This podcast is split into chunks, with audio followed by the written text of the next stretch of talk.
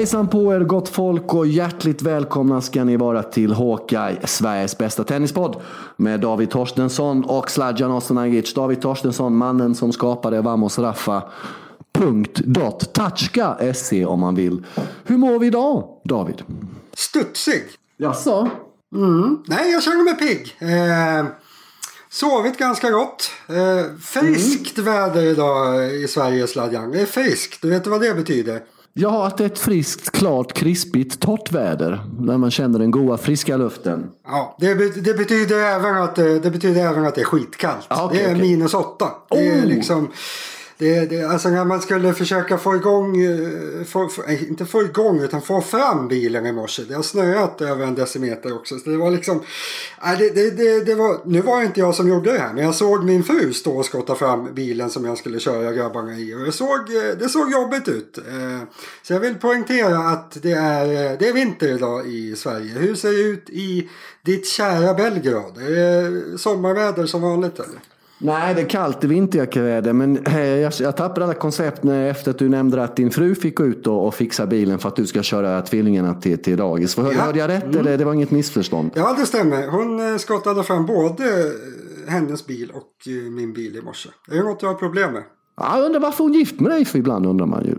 Mm, det kan man fråga sig. Ja, det kan man. Du höll ju på att glömma bort i fredags när ni hade, du hade ju lovat henne att ni skulle ha en hel dag i Stockholm stan. Det hade du glömt bort. Ja, just det. Men jag genomförde det. Ja. Efter att du kom på det Jag var lite stund. dubbelbokad. Jag, det var inte så att jag prioriterade vårt möte framför den här härliga fredagen. eh, Med kryssning, julbord och senare idolfinal. Vi vi hade skymd sikt på idolfinalen Sladjan. Dåligt. Mycket, mycket dåligt. For the record om eh, nio gånger av tio så är det du som går ut och fixar bilarna. Så det här var tionde gången då frugan gjorde det. Var det rätt uppfattat? Så är det faktiskt. Så är det. Precis så är det. Åh, det var skönt att höra då. Jag blev lite orolig där ett tag. Vi ska prata Caroline Wozniacki lägga av efter Australian Open. Vi ska prata om, eh, ja vad ska vi prata om mer? Lite andra saker. Det är lite off season och så blir det 6, 7, 8 fulladdade goa lyssnarmail. Men innan vi går på då eh, Wozniacki att hon ska lägga av då Djokovic, den förfärlige som vi kallar honom emellanåt, eller hur? Han har anmält, det är lite nytt jidder nästa år då i och med att eh, ATP Cup kom in då hit och dit så har ju Djokovic i vanliga fall spelat då den här uppvisningen, Mobodala där som, i år, som nu går i år istället för nästa år tidigare Och kört Doha och sen en vecka emellan så börjar Australian Open. Nu har han anmält sig till Adelaide, 250-turneringen västkusten söder om Perth efter då han har spelat eh, eh, ATP Cup då där Serbien är i gruppen som är i eh, Brisbane tror jag. Eh, och eh, finalen är väl i Sydney där då om man tar sig till själva slutspelet. Sen ska jag nog flyga kors och tvärs över hela Australien. Gillar inte Greta, han tar ingen båt där, finns inte tid till det du. Och då spela i Adelaide en 250-turnering för att sen flyga tillbaka till Melbourne. Vad säger vi om det? Det är inte speciellt ofta. Jag kan komma på, sen 2009 tror jag han spelat en gång inför en Grand Slam. Då Eastbourne Wimbledon för några år sedan när han stod Medvedev i finalen. Hur, hur reagerar vi på det här David? Hur ser du på detta? Varför? Vad är det som händer? Det känns inte så särskilt Novakigt det där. Att han ska liksom... Det, här är väl ingen bra förberedelse för Australian Open. Jag, jag, får, jag får verkligen inte ihop det här. Det, det, det man ögonblickligen tänker är att nu vill han, liksom, nu vill han matcha igång sig rejält. Han har kanske känt i de senaste Grand Slam-turneringarna att jag har inte förberett mig ordentligt. Jag har inte spelat några tävlingsmatcher innan. Eh, jag kanske inte har tränat lite så bra sådär så heller. Utan att han inte har kommit så väl förberedd. Och nu kanske han försöker tvinga sig själv att komma för- väl förberedd genom att spela turneringar istället. För jag menar, är han på en turneringsplats så kommer han ju förmodligen träna den veckan. Eh, är han inte ute på någon turnering då kanske han kan slarva i teorin den veckan. Men det här alltså, han, han, han, eh, han reser mycket inför eh, Australian Open. Jag, jag får inte ihop det. Har du någon bra teori på, på ämnet? Du är inne på mycket intressanta saker. Vi har ju också diskuterat, vi har ju kritiserat honom, eller framförallt jag har väl kritiserat honom för att han har ett väldigt eh, tunt matchprogram. Att, att han försöker vara part-time tennisplayer och part-time superfamiljepappa då och kunna vara bästa, världens bästa pappa i kombination med världens bästa tennisspelare samtidigt är ganska svårt tror jag. Vill han slå de här rekorden han har uttalat tidigare att han vill slå du vet flest Grand Slams, flest ett, ett veckor som världsetta. Så tror du inte han kan unnas, unna sig den lyxen att vara både världens bästa tennisspelare samtidigt som man vill vara världens bästa pappa. Det är kanske är ett val man måste göra där. va. Och ingen människa har ju någon, någon som helst rätt att, att döma vad andra människor ska göra med sin tid. Men som en tennissupporter och Novak-supporter kan jag ju känna då kan du inte ta det här med familjen om två, tre år och göra det till en top priority och göra liksom allt för tennisen fram tills dess då för att själv ge det en ärlig chans. Vi vet ju förra året eh, och året innan gick det jättedåligt för dem i Indian Wells och Miami. Va? För att tidigare har han ju spelat en förturnering i, i Dubai den veckan, då David Acapulco-veckan. Han varit i Acapulco något år också, åkte väl ut direkt mot Kyrgios där. Va? Och sen eh, torskade mot Kyrgios i Indian Wells efter det. Så vad jag har förstått som ska nästa år i alla fall spela Dubai eller Acapulco för att komma till bättre eh, skick till Sunshine Dubben. Och sen är det här med ATP Cup också. Då. Vi vet ju inte om han Serbien går vidare till kvartsfinal till slutspelet eller inte. Gör man inte det så går det ju bort ett gäng matcher där. Och då kanske du kommer jävligt matchtunn till Australian Open. Så ur ett Novak-perspektiv, hur han har betett sig de två, tre senaste åren, tror jag det här är ett bra beslut från hans sida.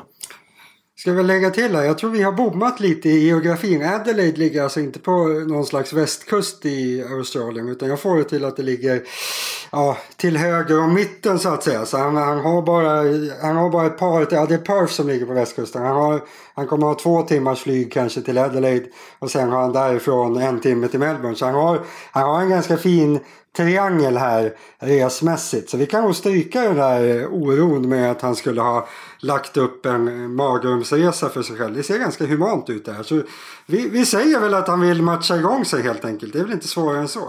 Nej, eh, och utifrån hur det har sett ut stundtals eh, senaste 18 månader så tror jag det är ett väldigt, väldigt bra beslut eh, utifrån hans sida. Sen vet jag att han oftast är som bäst i början på året så jag tror inte det kommer påverka. Ja, men det ska bli intressant att följa det hela. Jag vågar inte bli sämre. Det känns inte som att han kommer bli sliten på de här två första veckorna. Så är det någonting så är det ju bra för honom att han matchar igång ordentligt istället för, för att vila. Jag kan inte tänka mig något annat. Så, nej, jag tror eh, vår käre Novak kan bli lite halvt farlig i Australian Open. Du, Wozniacki sin sista turnering i Australian Open. Eh, hon kommer att avsluta det. Pappa Piotr tycker hon skulle avsluta i samband med US Open för att få applåder och hyllningar eh, hela året. Och det kanske är Piotr som behöver dem än, än då får man en känsla av, eller? Kan man väl tro. Visst är hon gravid Sladja? Det måste hon ju vara. Hon har inte sagt det än bara.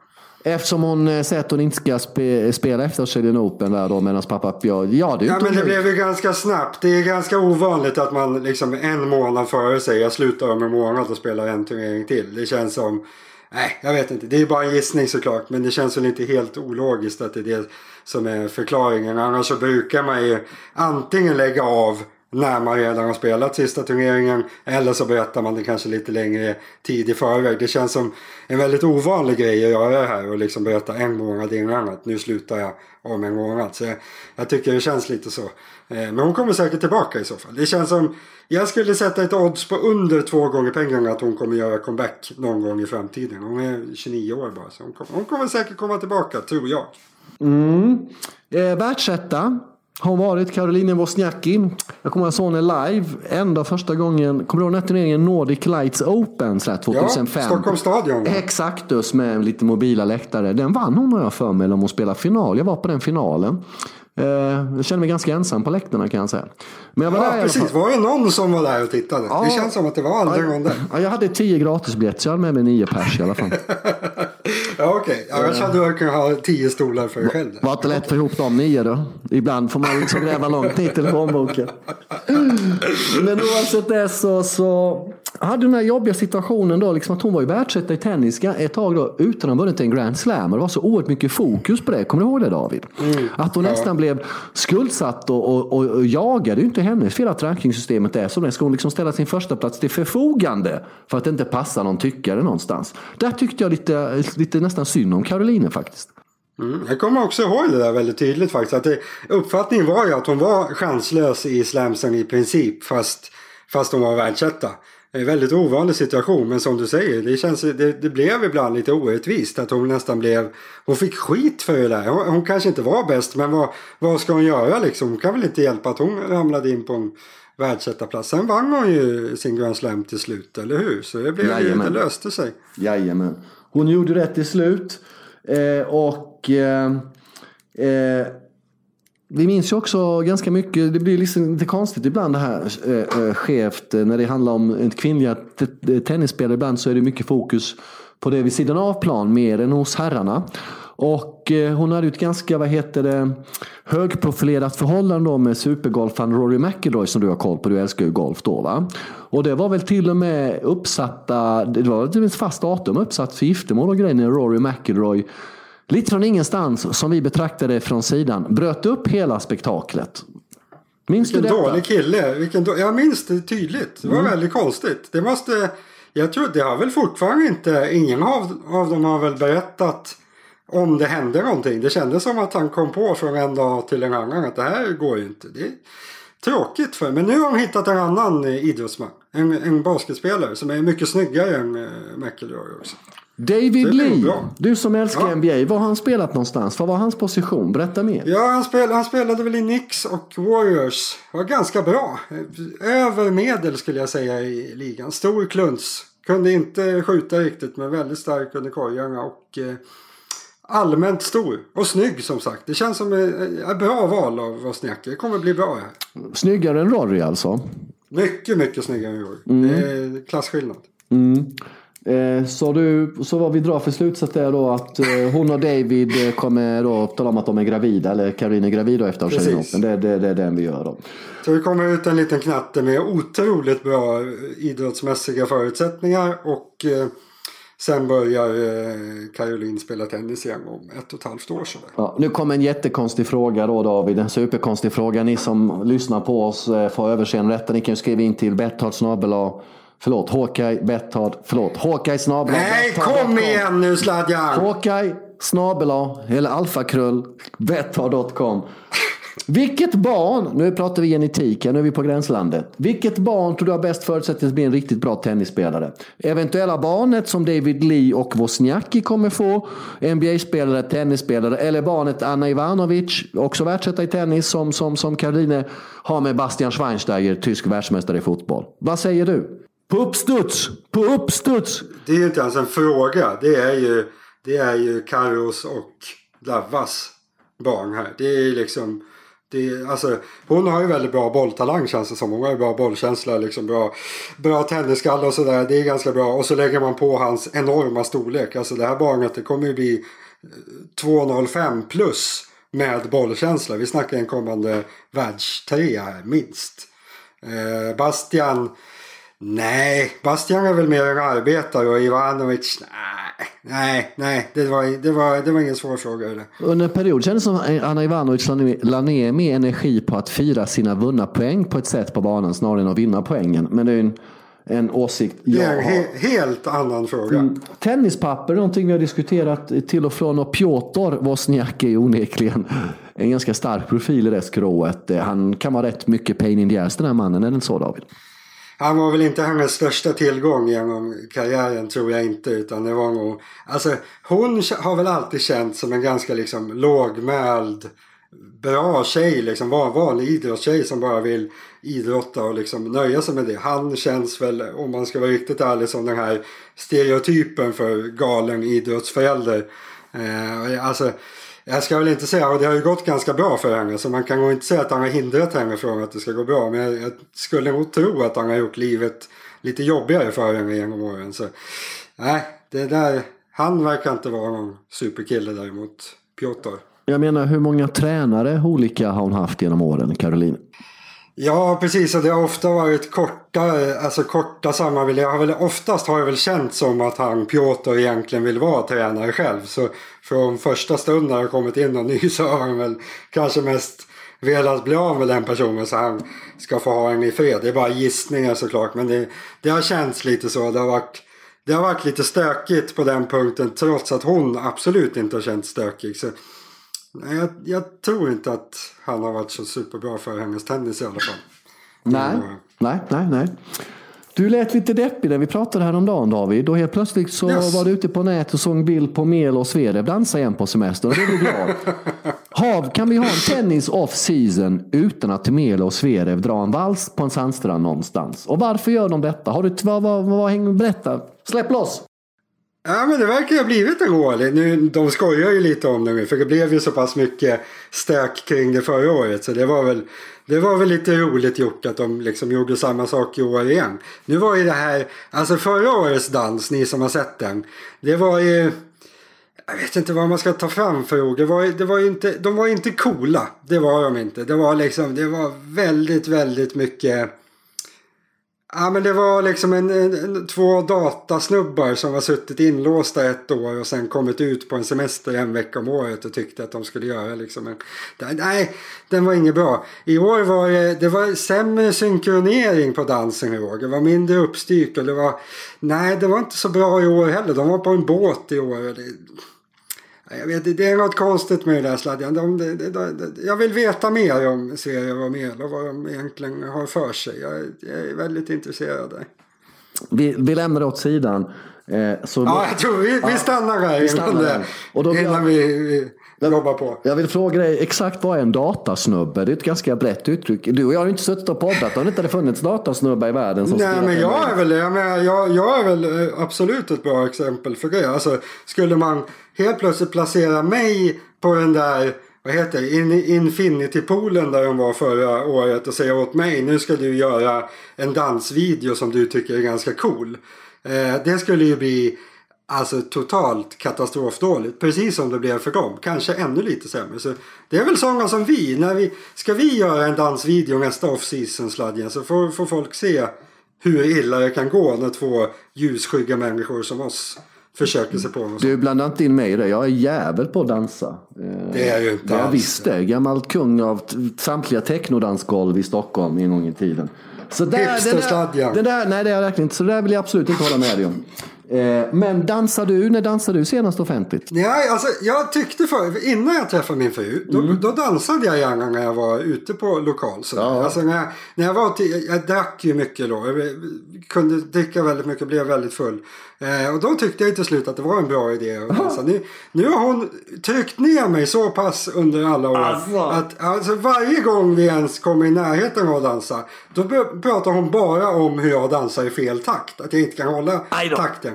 Eh, och det har ju visat sig att jag vet ju inte riktigt vad takt är. Nej. Så när jag dansar, jag står ju liksom bara och, och så har jag väldigt dålig rörelse i höften också. Oh. Så jag dansar ju mest med händerna. Eh, och jag, jag kör ju tydligen en takt som inte finns. Så det här har utmynnat i att jag, jag dansar inte längre. För tydligen så kan jag inte. Så då, då sitter jag bara där och dricker istället. Ja, tack för det David. Nog om vid sidan av saker David som dans och grejer. Utan nu ska vi prata lite lyssna-mail. Vad säger du om det? Du har fått in ett härligt... Kul! Yes. Lyssna-mail! Fantastiskt roligt! Nu kör vi! Och det, det går, jag hörde ett rykte här eh, i morse om att du har gjort ordning en lista också idag. Kan det stämma? Ja, det, jag har fått listförslag från de här mejlen. Så yes. nu, alltså, du har ju problem med dina typsnitt, du har problem med dina ögon, du kommer börja hosta.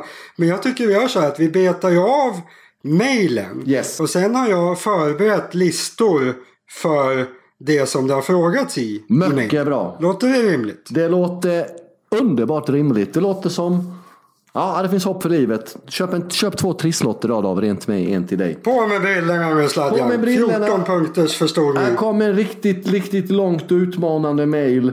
Vi lägger de andra mejlen åt sidan. Vi har tänt upp på kontoret här så mycket man kan.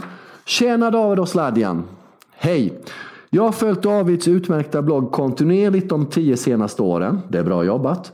Det är Martin Loenga som skriver by the way. Tack för ditt mejl Martin. Varje nytt inlägg eh, eh, och har alltid varit ett klockrent sällskap, gärna innan man ska somna. Extra svag är jag inför inläggen och sammanfattningen i samband med Grand Slam-turneringarna. David ska också ha en eloge för att han alltid vågar vara ärlig kring saker och ting. Ja, det ska du verkligen ha. Mm. Du kör ditt race och du är inte rädd för att kritisera sådant som förtjänar att kritiseras. Något som Martin och många andra, inklusive mig själv, tycker är befriande. Nu till det jag önskar att ni ska lista i detta avsnitt så här i juletiden. Lista 1. Plocka ut de tre spelare på ATP-touren som skulle passa bäst som jultomte. Två förslag från Martin är Del Potro och Tsonga. Mysiga och snälla herrar. Ja, självklart jul, jultomtaura på de två. Jag håller med där David känner jag spontant. Ja, mm. det här är väl alltså det känns som, det, man hittar inte människor som är mer lämpade att göra en jultomtelista än vad jag Jag känner jag, jag har full koll på det. Ja, mycket bra. Eh, så jag har gjort min topp 10-lista här såklart. Plats tre. Ja. Feliciano Lopez. ja. Vill du ha motivering? Nej, jag tycker den känns ganska klar, trygg, snygg, Ja, men det är, ja precis. Det är det jag säger. Jag tror att motiveringen är att jag gärna skulle sitta i hans knä. Jag tror att det är liksom... Jag skulle, Ja, du går så långt? Okej, okej. Ja, Ja, ja, precis. ja. Eh, plats två, Karlovic. Det här, då kommer vi gå in på min bild av tomtar rent allmänt. Att för mig, jag har väldigt svårt för små tomtar. Att då känns det mer som nissar för mig. Om man liksom tar fram någon tomte som är 1,60, 1,70. Då liksom, nej, min bild av tomten är att han är större än så. Eh, och då känns det ju det är lockande att ta fram en jättestor tomte. Eh, och Karlovic känns ju som att han skulle kunna axla den eh, rollen. Bra skägg, han skulle inte ens behöva ha mask och sådär. Så. Andra plats på Karlovic. Och sen plats ett. Ja, jag får ju, alltså Martin var ju bra på det där. Del Potro känns ju som den bästa tomten. Alltså så otroligt lugn, trygg, mysig, hårig. Nej, det, alltså han är ju bästa tomten. Ja, det, det, det är ingenting som känns, det bara är så. Men Del Potro kan väl Ja. julafton varje dag känner jag. Ja, ja, ja. Är du Inga konstigt. Är du med på nästa fråga då? Lista två från Martin Loenga. Mycket bra mejl detta. Vilka tre spelare hade ni helst velat ge en julklapp? Jag hade velat ge en julklapp till Medvedev, säger Martin, för hans briljanta tal efter US Open-finalen och för hans allmänt sköna stil. Eh, ja, vad känner du där? Vilka tre spelare vi helst gett en, en, en julklapp? Fy vad svårt. Nej, men då skulle man väl, alltså jag skulle väl ge, vilja ge en Nadal, Nadal skulle kunna få en flaska utan etikett. Så han, jag skulle vilja ge honom den flaskan så att han kan spela en tennismatch utan att stå och snurra på flaskan. Att han liksom bara kunde ställa den och tänka det finns inga märken på den här flaskan. Den är helt ren. Den är enfärgad. Det finns ingenting på någon sida som sticker ut. Det kanske han skulle, skulle må lite bra av. Ehm, vem ska man ge mer då? Nej, Jag skulle jag vilja ge en till. Kyrgios. Mm. Jag, jag, jag, jag delar väl bara ut det. Så vill du ge till Kyrgios? Varför då? För jag tror att han behöver lite kärlek och värme och sådär. Liksom någon, någon, Ja, men vad ska han få då? Ska han få liksom eh, må bra-saft som det var någon som, i någon serietidning som delade ut någon gång? Eller liksom hur får man någon snäll? Blir han Nej, glad men kanske ge dem av att få lite, vinklar? kanske ge dem ett, års lyckopiller eller någonting. Eller sån Det här man non- non- non-aggressive tablett han kan käka där så att han inte ska gå ut i omklädningsrummet och slå på tennisracketar utan någon anledning. Eh, sen skulle jag vilja eventuellt ge någonting till eh, Medvedev skulle, är ju som Martin själv säger här ett intressant kille. Jag skulle nästan eh, vilja ge Medvedev en örfil efter beteendet. Ja, efter ATP-slutspelet i London där han håller på med sin box hela tiden och sin tjej, sin fru och sin tränare. Eh, den här tränaren har gjort under med den här pojken, eller hur? Eh, Ja, och så la jo, det är sådär. sant. Men det känns, att slå honom Nej, känns det är väl inget kul. en örfil för hans eget bästa. Det är väl visst, det är, okej att örfila folk jag ger dem en örfil Det är den så 20 det är. Ja, men lyssna. Jag ger dem en örfil den 23 december. Dagen innan. Uppskatta det Och då. Uppskatta din fru. Uppskatta din tränare. Bete dig korrekt. Håll inte på som en pajas mot dem. För att nästa dag ge honom lite här muskelband han kan ha nästa år när han blir skadad och sån här, du vet. Så att han har lite extra av det då. Jag har en klapp till som jag skulle vilja dela ut. Och jag vill börja med att säga att jag tar avstånd till om man inte får ge sådana här klappar. Eh, men jag skulle vilja ge Schwarzman lite växtmedicin. Ja, okej. Tänk om han bara kunde få växa 10 centimeter över uppehållet här. Ja. Så kommer han tillbaka och är bara bäst av alla. Det skulle liksom kännas, Ja. kännas eh, bra. Ja. Okej. Det Eh, är våra klappar. Ja, lista tre. Vilka tre spelare ni absolut inte kunnat tänka ge en julklapp? Det mest självklara svaret här eh, eh, eh, måste väl vara Kyrgios, tycker Martin Loenge. Han skulle ju kunna vara det, absolut. absolut. Eh, eh, Ramos Vinolas vill vi inte ge någon julklapp va? Nej, Nej, det varför vill vi. kommer att tänka på honom? Fan, jag tycker han är så jävla osympatisk alltså. han är på något sätt en, eh, nästan mest osympatisk på, på... Det så han hela tiden letar möjligheter till att fuska på något sätt när han spelar. Ja just det, det är du som tycker att han fuskar hela tiden. Ja, jag är det. tycker den försöker då. Eh, eh, Kyrgios är ju Edmund lär du väl inte vilja ge klapp heller? Eller? Jo, jag skulle ge honom en julklapp, här tennisens regelbok för, för professionella tennisspelare. Så har glömt bort en hel del. Liksom. Men Edmund spelar kan bollen studsa två gånger ändå hans poäng tycker han. Vilken jävla clown alltså. Jävla clown alltså. Fy fan, jävla engelsman. Eh, jag, vill, jag, vill att, eh, jag vill att Citypass ska bli utan eh, julklappar. Vad för, för du älskade ju honom i april. Du tyckte han var vacker, du tyckte han var trevlig, du ville ja, spendera det tycker tid jag med fortfarande. Jag tycker, att, jag tycker han är fantastiskt vacker. Jag, har jag sagt att jag vill? Det kanske jag har. Ja, det har du. Det har du. Nej, jag, alltså jag, jag, jag tycker att han är väldigt snygg. Jag tycker att han är fantastiskt fascinerande med hur liksom, taktisk han är och allt sånt. Men jag skulle vilja se honom sitta och vara lite bitter över att inte tomten har kommit med något. Så, jag, jag, jag tänker inte motivera mig. Jag vill inte att han ska ha någon klapp. Punkt. Tack Martin Loenge. Han skriver också avslutningsvis att han vill tacka oss för en underhållande podd. Han skriver att du och jag... Och tack för allt beröm jag fick. Mm. Det var jättesnälla saker. Ja, eh, ni har ett grymt samspel som ofta lockar fram till goda skratt, säger han. Så här. Underbart när Sladjan blir lite grinig på David genom att töja resten och säga något avväpnande varpå David börjar garva. Stor humor. God jul och gott nytt år. Ja, då ska du höra, då ska ni höra det är när vi inte spelar in. När vi pratar. då är det mycket skratt. All right, jag hoppas att inte alla mejl är sådär långa för då kommer det här spåra ur. Vi försökte, fan, jag har ett jätteviktigt möte med min chef om en halvtimme. Undrar om vi hinner det här. Då ska vi se här då. Hinner med mötet med chefen alltså. Hej killar! Ni är otäckt underhållande på något märkligt vis och även, och även om Sladjan duckade var det väldigt kul att höra ett resonemang kring min fråga förra veckan. Stort tack för det. Ja, jag svarade ju aldrig på den här frågan vem man skulle stryka historien från de här tre. Jag trodde att jag lyckades kräma mig undan, men här har då vår käre eh eh eh, eh, eh, eh, Håkan Gode då verkligen noterat detta. Han kör en fråga till på temat Big Free. Om ni fick ställa varsin fråga om vad som helst till var och en av de tre stora och de var tvungna att svara helt sanningsenligt och ärligt, vad skulle ni då fråga? Ja, Federer känns ju instinktivt som att jag skulle vilja fråga bara rakt av. Är du dig själv? Ja. Den känns ganska enkel. han, alltså han måste ju svara ärligt här. Mm. Så då skulle man ju få väldigt bra mm. information. Eh, Nadal. Jag skulle vilja fråga honom om han sover med lampan tänd. Jag tror att han gör. Jag tror han sover i dagsljus. Du tror det? Eh, Jok ja. Djokovic. Eh, Djokovic skulle jag nog vilja fråga om han tycker att det är värt det. Att allt det här han, han, han inte äter saker, han liksom han, han, det känns som att han lever ett ganska knepigt liv. Så han, honom skulle jag vilja fråga om han liksom Om han e-, egentligen bara skulle vilja skita i tennisen och börja leva lite normalt istället. Jätte, jättebra tre frågor. Jag skulle säga under, skriva plus en på samtliga tre faktiskt. Eh, det där sammanfattar... Så, då sparar vi tid. Yes, utmärkt sätt. Det är dags för nästa mejl från Peter Eliasson. Eh, Tjena igen David och Sladjan. Jag går rakt på sak. Vilka är 2010-talets tio bästa spelare på herrsidan? Vilka har varit giftigast att möta? Vilka lirare har toppspelarna helst velat se på andra halvan av lottningen?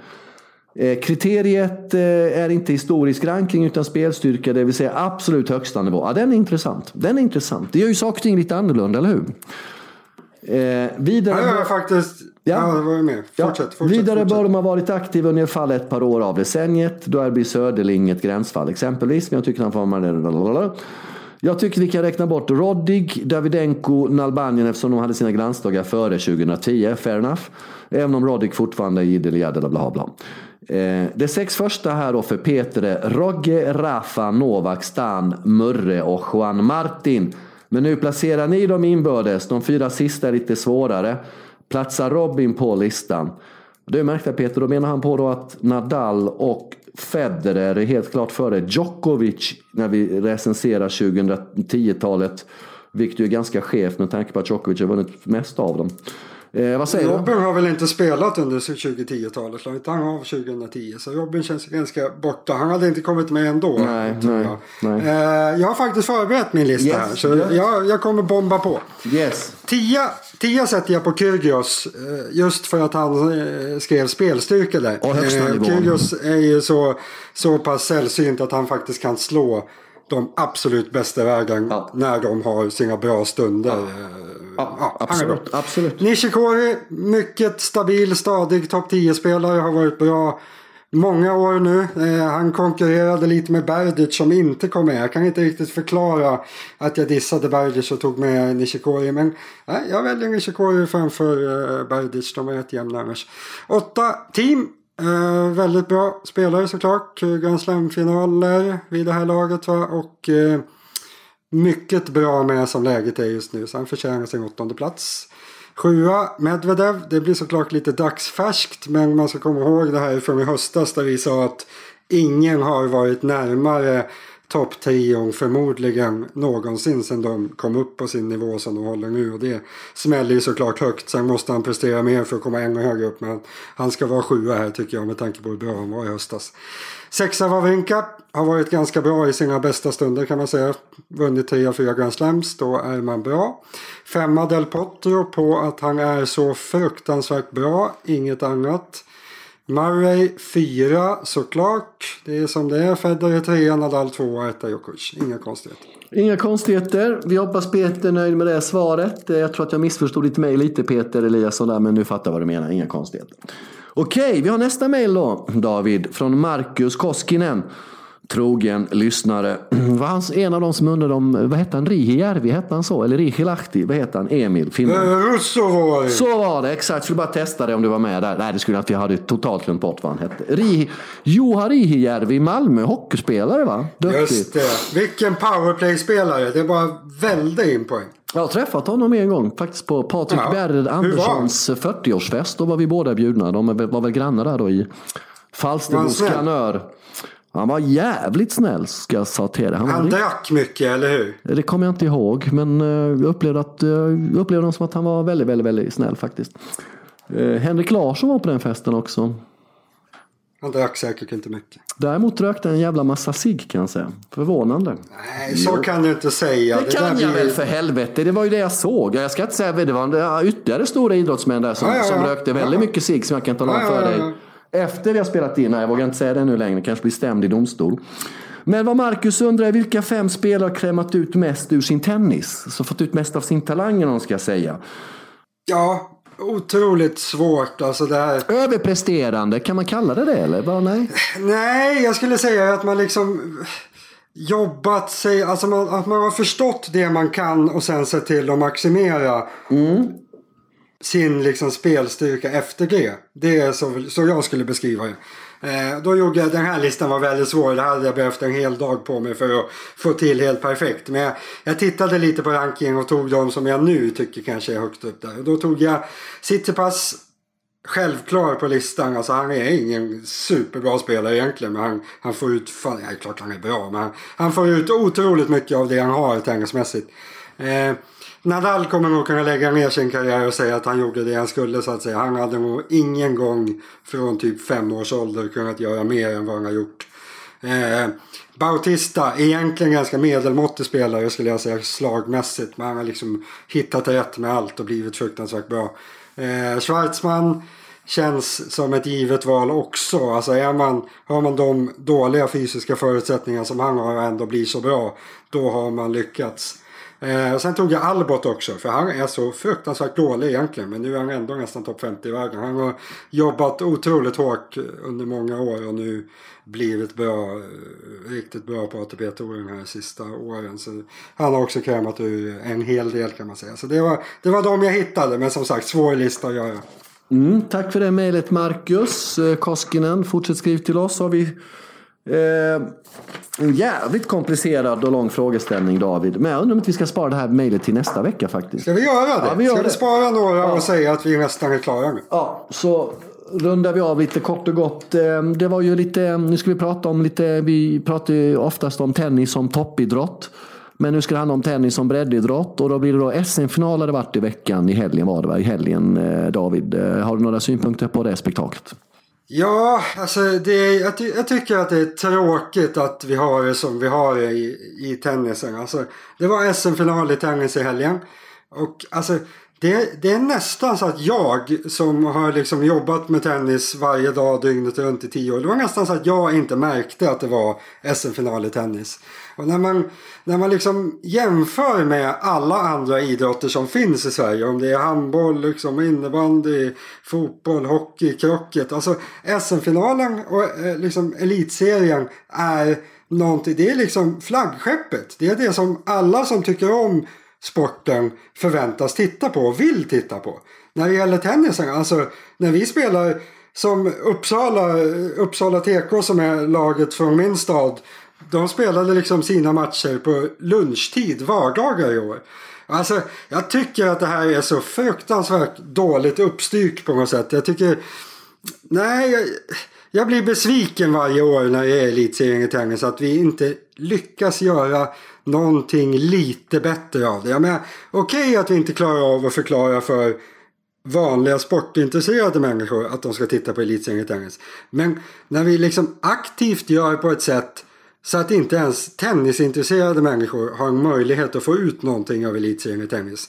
Då tycker jag faktiskt att det är för jävla dåligt. Så det, nej, det där att det sköts så dåligt från Svenska Tennisförbundet tycker jag är skruttigt.